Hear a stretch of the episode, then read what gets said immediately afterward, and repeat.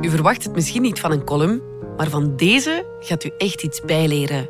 Over natuurlijke gradiënten bijvoorbeeld. Over getijdenomgevingen, stuifzand en bubbelcomfort. Want het is fijn om een nieuw woord te leren, vindt Wouter de Pre. Een woord die we met vallen en opstaan leren gebruiken in hun juiste context en ver daarbuiten.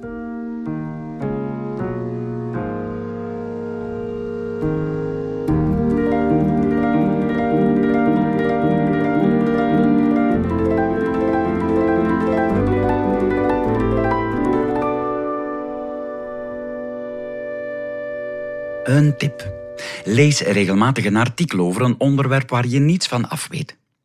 Binnen de kortste keren kom je woorden tegen die je niet kent of vergeten was. Kijk welk gevoel de nieuwe woorden je geven. Proef of je een boeiende nieuwe taalbiotoop hebt ontdekt. Indien wel, wees blij en geniet van de rijke oogst. Indien niet, lees een tweede artikel waarin je beter bediend wordt. De nieuwe woorden uit het Volkskrant-artikel over corona-bevrijdingsdag vielen me zwaar op de maag. Mensen zouden in de komende weken en maanden inhaalgedrag vertonen en dat vond het artikel duidelijk problematisch. Ze zullen zoveel mogelijk willen meemaken en dat zal voor andere mensen ontzettend zwaar zijn. Zij zitten namelijk in een bubbelcomfort door het langdurige isolement.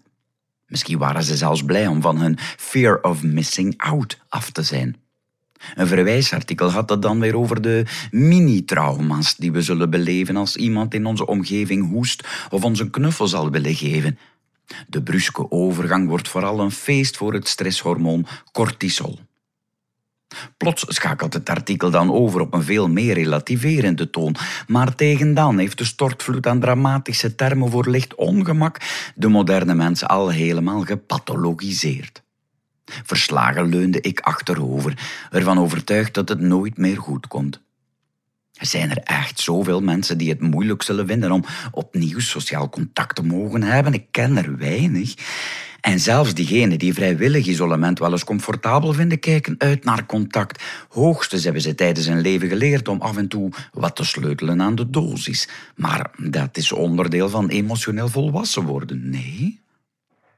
Als tegengif las ik in de Nederlandse krant Trouw over een waddeneilandje dat het echt moeilijk had. Grind. Grind liep of te verdween al opschuivend door getijden en wind met rassenschreden onder water. Ik leerde over kwelders, begroeide stukken land die rechtstreeks aan zee grenzen. Vogels komen er op zandplaten opvetten.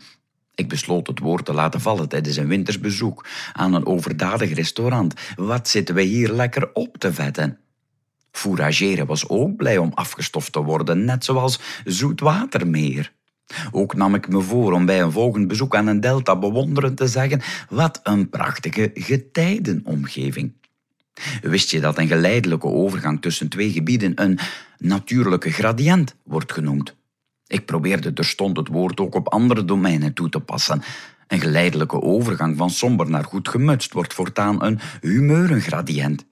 En op sportkleedkamers kan een bordje komen met de verwittiging: pas op, mensen aanwezig in ontkledingsgradient. Grind is al decennia afhankelijk van menselijke hulp. Een kilometerslange zandhaak ten westen van het eiland leverde jarenlang stuifzand. Toen het effect daarvan uitgewerkt was, werd een vooroever toegevoegd aan het eiland. En de laatste jaren wordt er geëxperimenteerd met zeegras en mosselzaadjes. Ha! De mens. Ik ken hem meer zoals in dit artikel. Een charmante, niet te stoppen plantrekker. Een prutser met een goed hart. Een onverbeterlijke doorzetter op het randje van megalomanie.